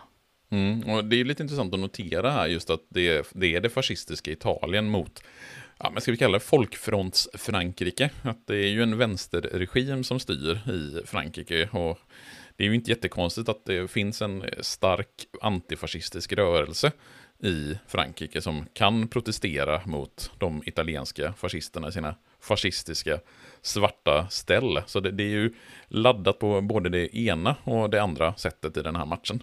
Verkligen. Eh, DNs matchrapport här, det kan vi notera, är, signerad Ivan Eklind, alltså svenska domaren som extraknäckade som journalist. Eh, men att skriva matchrapport var inte det enda jag gjorde, för han var också linjeman i matchen. Så att han skrev alltså rapporten efter att själv ha varit involverad. Det är ju roligt. Fantastiskt ändå. Han, han springer där på linjen och sen så direkt efter matchen så går han och gör en, en matchrapport som han skickar hem till DN. Det är ju Ja, Ja, för jag entrepre- entreprenöriellt skulle jag Ja. vilja säga. Ja, för jag antar att linjemännens roll, alltså, den har ju utvecklats med åren. Numera är det ju domarteam som liksom jobbar ihop hela tiden och de ska ta beslut tillsammans, även om det är huvuddomaren som står för det. På den här tiden var väl linjemannen verkligen, han vinkade väl för offside och liksom om domaren hade någon fråga så fick han steppa in, annars så var han väl ute på linjen där och det, det är så jag, det är så jag tolkar det i alla fall. Eh, och Eklund skriver att, eh, eller Eklind skriver att trots lugnet före match så behövde matchen ändå avbrytas en kort stund redan efter typ fem minuter. För stenar ska ha kastats mot Italiens målvakt. Men man ska ha konstaterat att det inte var någon demonstration utan endast okynne. Eh, man gillar ju det. det, var, det eller, han kunde kanske skrivit vandel också, vem vet. Mm. Eh, domare Bert, för det var han som var domare i den här matchen, har belgaren som vi pratat om tidigare i sin, och nu citerar jag, turistkostym och plus force. Eh, blåste igång igen och Eklund berömmer honom att han ska ha gjort en utmärkt match. Så att eh, han, han var ingen egoist Eklund, han kunde även dela med sig av beröm. Mm. Eh, nervös inledning på matchen enligt Eklind. Eh, Gino, Cal- Gino Colausi, jag vet inte fan hur det ska uttalas, men en italienare med det namnet gjorde 1-0 efter 9 minuter. Det var en ledning som inte höll i många sekunder, för bara minuten senare kvitterade fransmännen genom Oscar Heiserer. Eh, men det ska fortsatt, ja, 1-1 står till paus och det ska ha varit en, en ganska dålig halvlek. Eh, men i den andra så skulle eh, Silvio Piola kliva in i handlingen. Fem minuter in så nickade han in 2-1 och sen satte han också 3-1. Och här är lite igen diskrepanserna här. För enligt Eklind så gjorde, alltså han skriver i DN att tredje målet gjordes 12 minuter in i den andra halvleken. Vilket då skulle bli den 57 minuten som vi säger numera. Men Fifas rapport säger att målet kommer den 72 minuten. Och jag tänkte först att, ja men är det tryckfel att Eklind skrev egentligen 72 fast så har DN ändrat det till 12. Men sen kollar man på alla referat från den här tiden och man använder ju inte, alltså aldrig någonsin skriver man något, något hände i den 54 eller 77 mm. utan man skriver 12 minuten av andra halvleken. Att, Men kan vi inte ja. tänka oss att Ivan Eklund hade lite annat att tänka på när han sprang där på linjen? Att han kanske inte höll koll på exakt minuter, utan att han oss? bara i sitt referat drog till. Det var någon, någon, en bit in i andra halvlek, ja, jag skriver tolfte minuten. Ja, så kan det absolut ha varit. Oavsett det, 3-1 till Italien. Frankrike nej, har inget att sätta till om, eh, utan vännationen är utslagna. Mm. Och vi går till den sista kvartsfinalen och Sydamerikas hopp Brasilien ställs mot Tjeckoslovakien. Mm. Och den, eh, det här är en av de första VM-matcherna som någonstans har fått ett eget namn, för den kallas Battle of Bordeaux. Eh, och som du då, smart som du är, gissar, så spelades ju den matchen i Bordeaux. Mm. Eh, det gick vilt till. Eh, du minns att jag tidigare i avsnittet sa att vi hade fyra utvisningar i turneringen. Att det första var mellan Tyskland och Schweiz. De övriga tre kom i den här matchen. Uh, eller nej, det är fel att säga. För det, det, det, det, är två matcher. Battle of Bordeaux är den första matchen, för den slutar mm. oavgjort. Uh, men ja, om vi pratar om den då som, som kallas Battle of Bordeaux. Uh, så slutar den 1-1 efter mål av det här mästerskapets skyttekung, Leonidas, och förra mästerskapets skyttekung, eh, Aldrich Nejedli. Och de tre utvisade spelarna måste vi nämna. Det var Brasiliens eh, Cese Procopio, samt en spelare som kallas för Martim. Och så var det Tjeckoslovakiens Jan eh, Riha. Eh, Prokopios ska ha blivit utvisad typ efter en kvart och de andra två mer eller mindre i slutminuten, 89 90 där liksom. Och att liksom den här matchen kallas för slaget i Bordeaux eller Battle of Bordeaux, vad, vad, vad handlar det om? Vad är det egentligen som händer? Ja, jag har tyvärr inte hittat jättemycket detaljer om exakt vad som hände. Men det ska liksom ha varit våldsamt från start mm. till mål. Eh, den ungerske, dom, ungerske domaren Paul eh, von Herzka ska, trots att han visat ut tre spelarna, så beskrivs det som att eh, han var alldeles för svag i sitt dömande. Och liksom, det vi vet är att Tjeckoslovakiens målvakt, František Planka, han fick armen bruten på två ställen enligt Svenska Dagbladet. Eh, men på något mirakulöst jävla sätt så står han då kvar i matchen och alltså så här, resten av ordinarie tid och förlängningen med en bruten arm och släpper under den tiden inte in något mål. Det Imponerande. Det får man säga.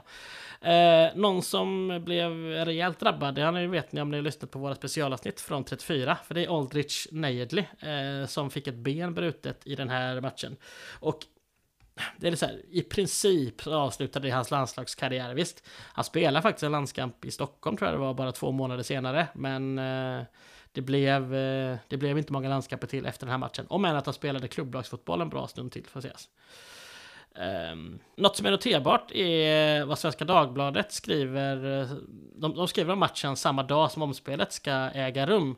Eh, och det man skriver är liksom att utöver att Planica och Nejdli har fått ben brutna så att sex spelare har slagits medvetslösa under matchen och att sju brassar låg på sjukhus dagen Alltså förlåt att jag skrattar åt det här men det låter ju helt absurt. Ja, och här känner jag liksom det, det, kan absolut stämma, men ska sex spelare ha slagits medvetslösa? Det låter ju smula överdrivet. Har de kanske blivit nedslagna? Men ja. inte mer. Alltså, ja. Eh, ja, man vet inte. Men det är samtidigt också ett faktum att Brasilien kom till spel med nio nya spelare. Eh, bara målvakten Walter och centerforwarden eh, Leonidas kom till spel. De andra var ju då antingen avstängda, två spelare, och resten ska vara indisponibla på något sätt. Och här får vi stanna till vid Leonidas och eh, att han spelade. För det verkar som att han borde nog egentligen inte ha spelat, för han var inte heller helt skadefri. Men den spelaren som var uttagen som reserv för honom fanns det ett problem med. Han hette Niginho. Han hade spelat i Lazio några år tidigare och hade även italienskt pass. Han är ju en av de här eh, ja, som har flyttat till Italien och Mm. blivit liksom naturaliserad, om än inte landslagsmässig för dem då.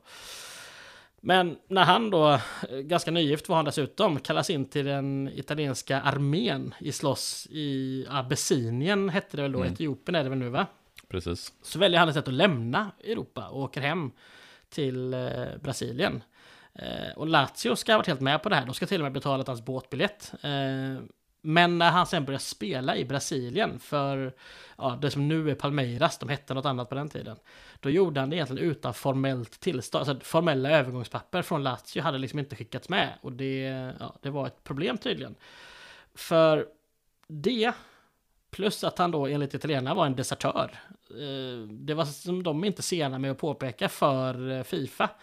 Och tydligen för att liksom få spela här hade han behövt, alltså han har brutit mot Fifas regler. Han hade behövt få liksom Lazios tillstånd för att spela. Om det var med Palmeiras eller om Lazio hade kunnat skicka ett tillstånd nu, det, det har jag inte riktigt kommit fram till. Det låter Mm. som att om Lazio hade varit okej med att han spelar nu i VM så hade det varit okej.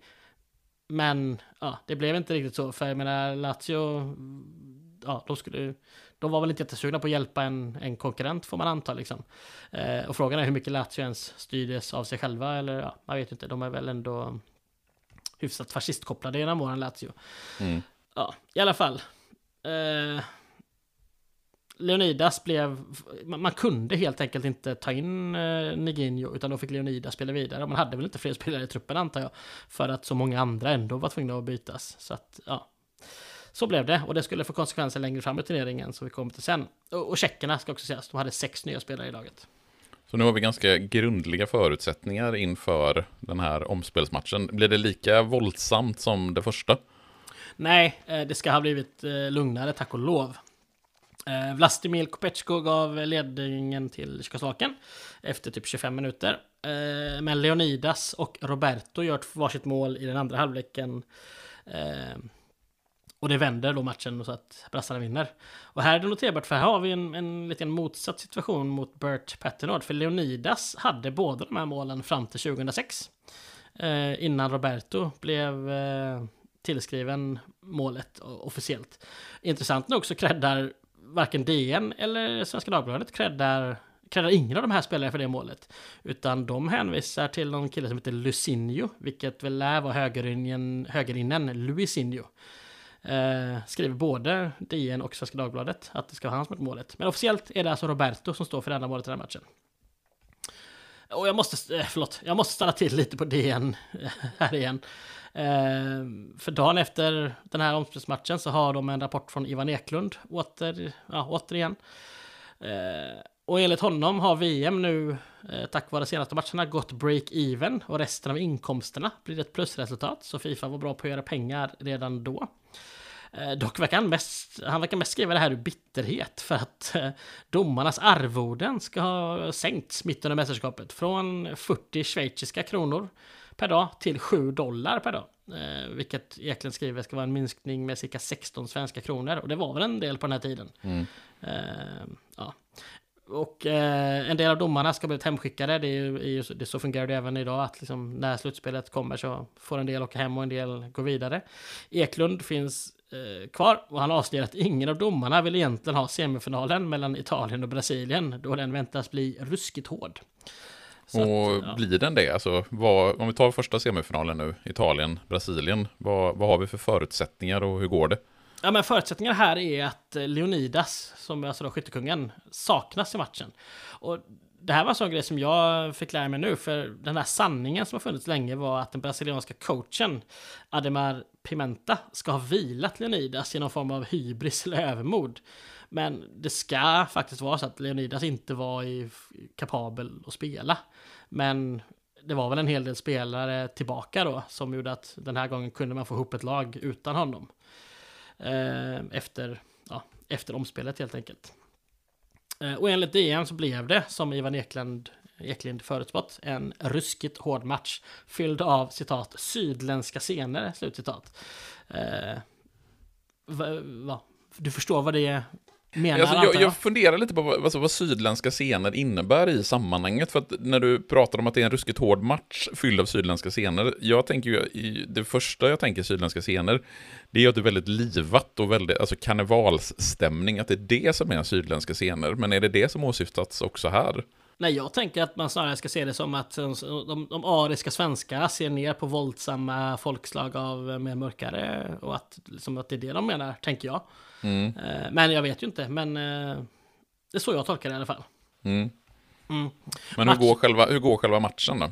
Ja, första halvlek blev eh, mållös och den schweiziske domaren Wuttrich kämpade hårt bort henne för att hålla matchen i, i, i styr. Brassarna klagar dock att han ska ha varit för partisk för italienarnas fördel. Ja. Lag som förlorar har väl en förmåga att klaga, kan jag tycka. Mm. Eh, det blev inte bättre under den andra halvleken för Gino Colausi eh, gav italienarna tidig ledning i andra halvleken. Och sen fick de också en straff som Giuseppe Meazza, som vi pratade oväntat lite om i det här mästerskapet, nämligen ingenting fram tills nu. Han ska ha haft problem med byxorna så han fick hålla i dem med en hand, men eh, han lyckades ändå sätta, sätta 2-0 på straff. Eh, Romeo för brassarna reducerade med ett par minuter kvar, men det var för lite och för sent och Italien alltså återigen i VM-final. Det som ska sägas bara är att brassarna ska ha skickat in en formell protest till domaren, eh, eller nej, till Fifa eh, om domaren, men den, eh, den ledde ingenstans. Och enligt, här ska då, vilket verkar vara nästan kutym på den tiden, att eh, brass, brassarna ska ha velat lämna Fifa, eller i alla fall brassarna på plats, ska ha skickat någon form av eh, telegram hem till förbundet i Brasilien med ett förslag att vi borde lämna Fifa, men eh, det verkar man inte ha gjort, utan man, man verkar ha stannat kvar. Folk är så dramatiska. Det är typiskt sydländska scener det här att eh, hålla på på det sättet. Men, Verkligen. eh, men vi har ett... Eh, vi har en eh, semifinal avklarad. Dags för den andra semifinalen. Och där har vi ju inget, eh, inget mindre än Sverige som ställs mot Ungern. Och det blir, inget, det blir inte jätteroligt. Nej, det blir ju inte det. Det börjar bra. Eh, typ en halv minut in i matchen så gör ju Sverige faktiskt eh, 1-0 genom Arne Nyberg. Eh, och sen så finns det rapporter om att Sverige dessutom hade ytterligare en boll i nät, men att det ska ha vinkats av för en, enligt vissa, felaktig eh, offside. Det kommer vi ju aldrig få veta. Men eh, det ska dröja 20 minuter innan eh, Sven Jakobsson satte bollen i eget nät till ja, 1-1. Sen ska Pal Titkos och Gyla Sengeler gjort två snabba mål i slutet av halvleken till 3-1 och sen Sengeller Sengeler och Georgi Sarosi gjorde varsitt mål i andra halvlek och 5-1 blev det till slut till Ungern. Som då gick till final och Sverige till sin första bronsmatch i VM-historien. Och bara tre dagar efter semifinal så är det dags för final och bronsmatch. Eller? Mm. De spelas ju samtidigt, eh, till och med samma klockslag. Bronsmatchen i Bordeaux, finalen i Paris, eller ja, Colombe, eh, som är en förort till Paris. Mm, men eh, då är väl kronologin ändå att vi tar bronsmatchen mellan Brasilien och Sverige först. Ja, vi kör inte VM-krönika 94-kronologin, för de avslutar med Sverige, va? Det, vi ska inte vara så egoistiska. Eh, enligt rapporterna så var det enormt varmt. Eh, och eh, enligt DNs utsände så kryddade, eh, ja, det gynnade såklart Brasiliens citat negerbetonade slutcitat lag. ja, Mm. återigen här. säg ingenting ja. mer om det.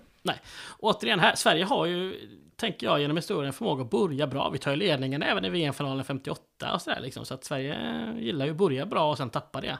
För här, din käre Sven Jonasson och min Blåvitt-spelaren Arne Nyberg Mm. eh, har efter som, knappt 40 minuter gett Sverige en 2-0-ledning. Eh, här är DN faktiskt väldigt onationalistiska ska sägas. För enligt dem så borde Sverige inte fått möjlighet att göra 1-0. Eh, det ska ha varit någon oschysthet mot deras eh, brassarnas vänsterback. Men eh, domaren, som vi återkommer till, eh, valde att fria, vilket gjort att Sverige ska få ett inkast. Och när bollen igen hamnar i närheten av den brasilianska vänsterbacken så ska han tydligen agerat åskådare. Eh, enligt DN så satt han och pysslade med sina fötter vid straffpunkten. Mm. Eh, jag vet inte om han var nere och knöt skorna eller om han, ja, det är en märklig beskrivning. Jag tror att han satt och pillade lite på någon vårta och filade med till fotfilen och Du tog tror ett fotbad eller någonting. Ja. Det hade ju varit en syn för gudarna. Det hade varit rimligt någonstans, verkligen. Mm. Ja.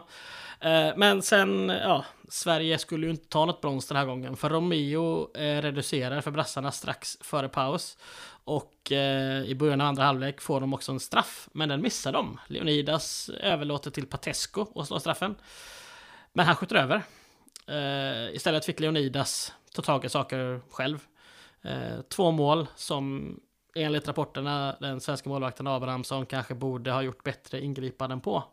Eh, vände matchen Mm. åt eh, brassarna. Och med 10 minuter kvar punkterade också Perasio, deras vänsterinne, matchen med att göra 4-2. Och den första av många svenska VM-förluster mot Brasilium är nu ett faktum. Mm. Eh, jag vill ju ställa till lite vid domaren, för det var ju våran vän från eh, 1930, John Langenus, finaldomaren där. Och enligt DN så var hans dömande lika antik som hans klädsel. Så att, Ja. eh, ja. Det är också ett sätt att uttrycka sig på. Men jag tänker, Sverige blir eh, fjärdeplacerade i det här världsmästerskapet. Om vi innan, gå- innan vi går till finalen eh, mellan Italien och Ungern ändå ska värdera Sveriges insats i det här världsmästerskapet och ställa det kanske i relation till föregående världsmästerskap 1934. Vad, hur, hur bedömer du Sveriges insats? En fjärdeplats förvisso, men Ja, men, men så här, det är ju bara liksom en seger och det är Mm. mot Kuba. Eh, och sen är man ju chanslösa mot Ungern och eh, men vad rapporterna säger så var ju brassarna också väsentligt mycket bättre i den här matchen. Mm. Så att på ett sätt, trots att det som ja, Sverige då gick längre i mästerskapet så är väl insatsen i sig inte lika imponerande, får man väl ändå Mm. säga. Nej, och i och med att vi klarar oss vidare från åttondelsfinalen genom att eh, Österrike lämnar walkover. Så, ja, vet inte tusan om det, om det ens blir 3 plus i det här världsmästerskapet. Alltså fjärde plats absolut, men eh, det känns ju inte som att det är någon superinsats ändå.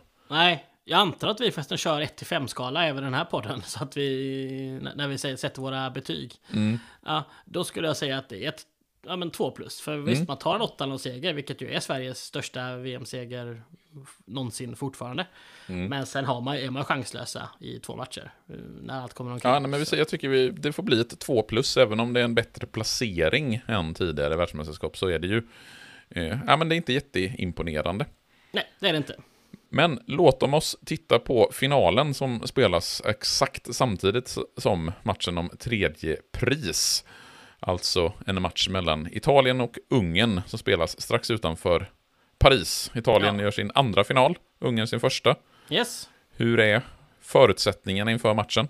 Ja men de är bra. Eh, Det ska vara, enligt Svenska Dagbladet så är det en uppsluppen stämning i hela stan, i hela Paris, långt före matchstart. Eh, och att fransmännen eh, som var där ska ha hållit på Ungern för att diktaturländerna då är ju inte jättepopulära här i Frankrike. Om än att det finns väl diktaturvurmare även i Frankrike som höll på Italien. Mm. Eh, som alltid när vi gör de här så ska vi ju i finalen gå igenom hela laguppställningar, eller hur? Absolut, jag vill ju absolut höra dig eh, snubbla både på italienska och på ungerska. Ja, det här är ju eh, faktiskt fruktansvärt. Eh, Vi börjar med ungrarna, så att vi tar det svåraste först. Mm. Känner jag. Eh, De har i mål eh, Antal Shabo. Eh, De två backarna är Sandor Biro och Göla Polgar. Eh, Mittfältet då, halvorna. Från höger är det Göla Lazar, Görgö Sux eh, och Antal Salazai. Nej, Salai. Eh, och anfallsfemman då. Vi tar eh, högerytter Paul Titkops, eller Pal Titkos. Innerhöger, eller högerinner heter det. Gyla Zengeler. Eh, vänsterytter Ferenc Sas. Vänsterinner Geno, eller Geno Vincenze, Vince. Och centerforward kapten Georgi Sarosi då. Eh, ja, där hade vi ungrarna. Mm. Det tyckte du klarade med, med, viss, med viss bravur ändå, utan att eh, egentligen att jag har någon koll på ungerska uttal. Jag skulle själv ge mig ett och ett halvt plus möjligen, men Mm. eh, så kan det vara. Eh, italienarna då? Ja, jag kan se så är det väl två spelare som spelade VM-finalen 34, som också är med nu. Eh, Giuseppe Meazza och Giovanni Ferrari. I övrigt är det nio nya. Målvakt Aldo Olivieri. Sen backarna då Alfredo Foni och Pietro Rava. Som för övrigt var den som levde längst efter den här finalen. Jag tror han dog 2006 eller någonting. Av finalspelarna då. Så han levde ändå levde ändå bra länge. Eh, nu ska jag snabbt kolla upp eh, bara här. Han dog ju faktiskt 5 november 2006 så han fick ju se Italien bli världsmästare igen då 2006. Eh, gött för honom.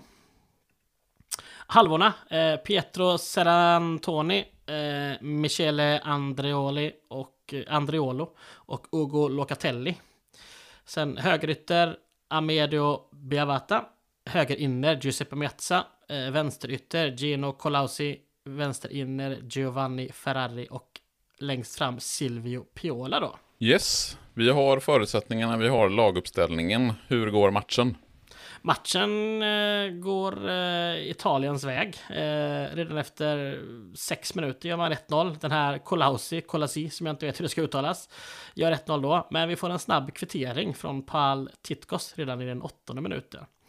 Eh, men italienarna fortsätter. Tio minuter efter kvitteringen så gör Silvio Piola eh, 2-1 och med tio minuter kvar av första halvlek gör Colausi 3-1 det går undan här för mm. eh, ja, med 20 minuter kvar reducerar då Ungerns toppforward Georgi Sarosi. Mm, och eh, ja, då är det väl match. Men Silvio Piola vill även han bli tvåmålsskytt och med åtta minuter kvar satte han 4-2.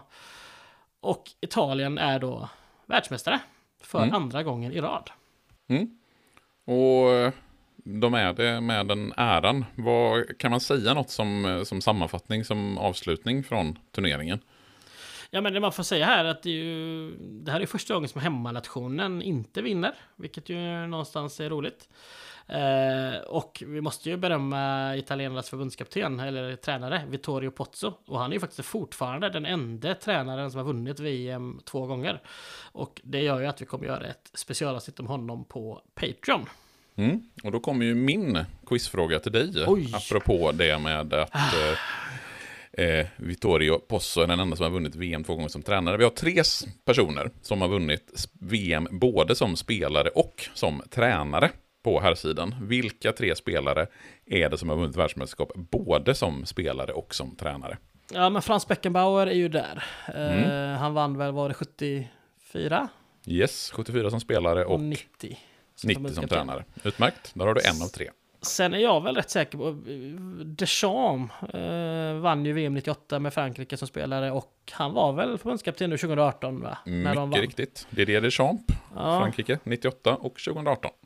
Men en till. Mm. Det är ju så... den svåra av dem. De två, de, två, de två du har nämnt, de är ju ganska lätta. De plockar, ja. ju, de plockar ju egentligen vem som helst. Nu ska vi inte förninga min insats här, tycker jag. Nej, det är två av tre. Det, det är helt okej. Men, Men, för att få full, fullt godkänt så ska du även ta den sista. Och då är vi tidigare. Mm. Uh, nu ska vi se. Är det någon vi har pratat om? Nej, det uh, är, nej. Det är efter, uh, efter andra världskriget. Ja. Uh, Okej, okay. 50 vann ju Uruguay. Kan, men de, det var ju senaste gången de vann. Eh, vilka vann VM 54? Varför står det still i mitt huvud nu? Eh, gud. Eh, det är också Tyskland väl? Västtyskland. Och 58 jag kan ju, jag kan ju ja, men, ge din... Eh, mm. Ja, men, men, men, men, men han brassen. Mm. Eh, Sagallo. Yes, snyggt jobbat. Vann ju 58 och 94 då va? Ja, äh, 58-70. 70 ja, var Sagallo tränare. Det var Pereira var det ju 74, eller Pereira, just, 94. Ja, precis. Så Mario Sagallo, han vann faktiskt som eh, spelare både 58 och 62 och sen så, eh, som spelare och sen så 1970 som tränare. Så Mario Sagallo, Frans Beckenbauer och Didier Deschamps. Ja. Snyggt! Tackar, det tackar. går du med, eh, med den äran och med huvudet högt. Ja men en 8-10 plus ändå va liksom? Vad sa du? En 8-10 plus sådär liksom. Eh, du tänker att du är som Glenn Hussein på, eh, på eh, Wembley fast ännu bättre. Ja precis. Mm. Jag, tycker ja, jag tycker att eh, du är klart godkänd. Mer än så vill jag inte dela ut här. Okej, okay, okej. Okay. Tackar. Jag är, jag, är hård, jag är hård med mina omdömen. Man får alla rätt och ändå... ja, men det var, det var en relativt enkel fråga ändå. Ja. Nej, men eh, ska vi sammanfatta, liksom köra crash coursen, crash coursen av ja. mästerskapet? Vad, vad, kan vi säga om det? Ja, men det var det tredje VMet som ägde rum då 1938, den, mellan den 4 och 19 juni. Eh, så det är förhållandevis kort. Alltså de här månadslånga mästerskapen vi har nu är det ju inte ännu. Det är verkligen ganska korta korta Ja, det mästerskap. är typ två, två veckor, typ. Ja, precis. Men det var ju i alla fall, som vi sa tidigare, det var ju mer välplanerat än tidigare i och med att man hade lagt in omspelsmöjligheter, eh, vilket man ju Mm. inte hade brytt sig om förut. Ehm, 18 matcher spelades. Det gjordes 84 mål, vilket ger ett snitt på 4,67 mål per match. Eh, det är ganska mycket. Mm. Jag inser nu att jag borde kollat upp vad det står sig i, i övriga, men det har jag inte gjort, så det, det kan vi prata om i senare mästerskap. Eh, skytteligan vanns ju då av brassen Leonidas med sju mål, även om han då fram till 2006 stod krediterad med åtta mål. Ungrarna Sarosi och Sengeler samt italienaren Silvio Piola kom på delad andra plats i skytteligan med fem mål var. Eh, fyra spelare visades som sagt ut och officiellt var det 374 835 åskådare som bevittnade matcherna. Tror du det? Tror du att det var precis så många som såg eh, matcherna? Definitivt, jag litar Ja. på den frans franska statistiken och de franska biljettkontrollanterna. Ja, det är i alla fall ett publiksnitt på 20 000 drygt. Och det är ändå, ja men, det får man ändå säga är bra. Liksom. Mm. Eh, det är kul också att eh, man liksom inför VM har 10 10 arenor tas ut som, som värd, eh, ska vara värd, värdarenor. Men det blev ju faktiskt bara nio som användes. För eh, Sverige skulle då ha mött Österrike på Stade Gerland i Lyon. Men eh, det blev ju alltså inte av. Och slutligen då, Brasilien brons, Ungern silver och Italien guld. är ju någonstans det som man absolut ska ta med sig från det här mästerskapet. Våra Mm. Och medaljörer. det är Italiens andra VM-guld på 1930-talet. Mm. Och med det så känns det som att vi har eh, gått igenom och eh, penetrerat eh, världsmästerskapet 1938 ganska ordentligt. Och då blir det väl nästa gång som vi hörs VM 1942, eller? Nej! Det blir Det det, blir det inte. inte. För att eh, det blev ju inget VM 1942 för att det var några som ville bråka i främst Europa. Ja, det hände ju ja. grejer i Europa på, eller i världen på 1940-talet, så det Ja. kanske inte var helt lämpligt att köra VM, vare sig 42 eller 46. Nej, det roliga är att tyskarna ska ha varit ruskigt suga på att arrangera det VMet. Eh, Men eh, ja, det är väl oklart om de hade fått det med tanke på att de hade OS 36. Mm, Å andra sidan, ja, Ryssland här nu i modern tid har ju haft OS och fotbolls-VM i mm. tämligen tät följd. Nej, men det vi kommer att prata om i nästa avsnitt av Mästerskapspodden, det blir ju världsmästerskapen i fotboll 1950 istället. För det blir ju nästa fotbollsvärldsmästerskap för herrar som spelas. Det kommer ju dröja 12 år, alltså fram till 1950, innan vi får ett världsmästerskap igen. Ja, och det som är lite roligt med det här mästerskapet är att eh, nu har vi haft liksom rena kuppmästerskap, två, ja, två mästerskap i rad. Eh, I 1950 så lämnar man ju det helt och har istället inga utslagsmatcher utan man har bara gruppspel. Eh, för att även så här, finalrundan är ju i gruppspelsform och även om det ju då, om vi ska säga det redan nu, i praktiken blev en final den sista matchen så är det ju faktiskt ingen VM-final som spelas. Det är ju bara att det råkar vara så att de två lagen som spelar i den sista matchen kan, ja, de, de möts och kan vinna matchen helt enkelt. Mm. Alltså, ja. Men det känns som att vi kommer prata en del om det nästa månad när vi gör avsnittet om VM 1950. Vi kommer ha åsikter om det kan man väl tycka, eller säga. Mm, det kommer vi definitivt att ha. Mm. Eh, vill du höra hela historien om OS 1936 och fotbollsturneringen där så får du bli Patreon på patreon.com eh, masterskapspodden. Finns länkar i avsnittsbeskrivningen givetvis. Yes. Har, har vi några roliga sociala medier där du bara spammar ut eh, goa bilder på, från våra avsnitt? Vi har Instagram, där kommer det bilder med jämna mellanrum, så kan man väl säga. Mm. Är du Eh, mer frekvent än vad jag är i, på från Bäcktebrons konto? Inga kommentarer säger jag om det. Jag tror faktiskt nej. Eh, Jag tror Mm. du, eh, du får ju dina ryck ibland när du helt plötsligt lägger ut tio bilder. Så att eh, det har, jag inte, det har inte hänt mig än.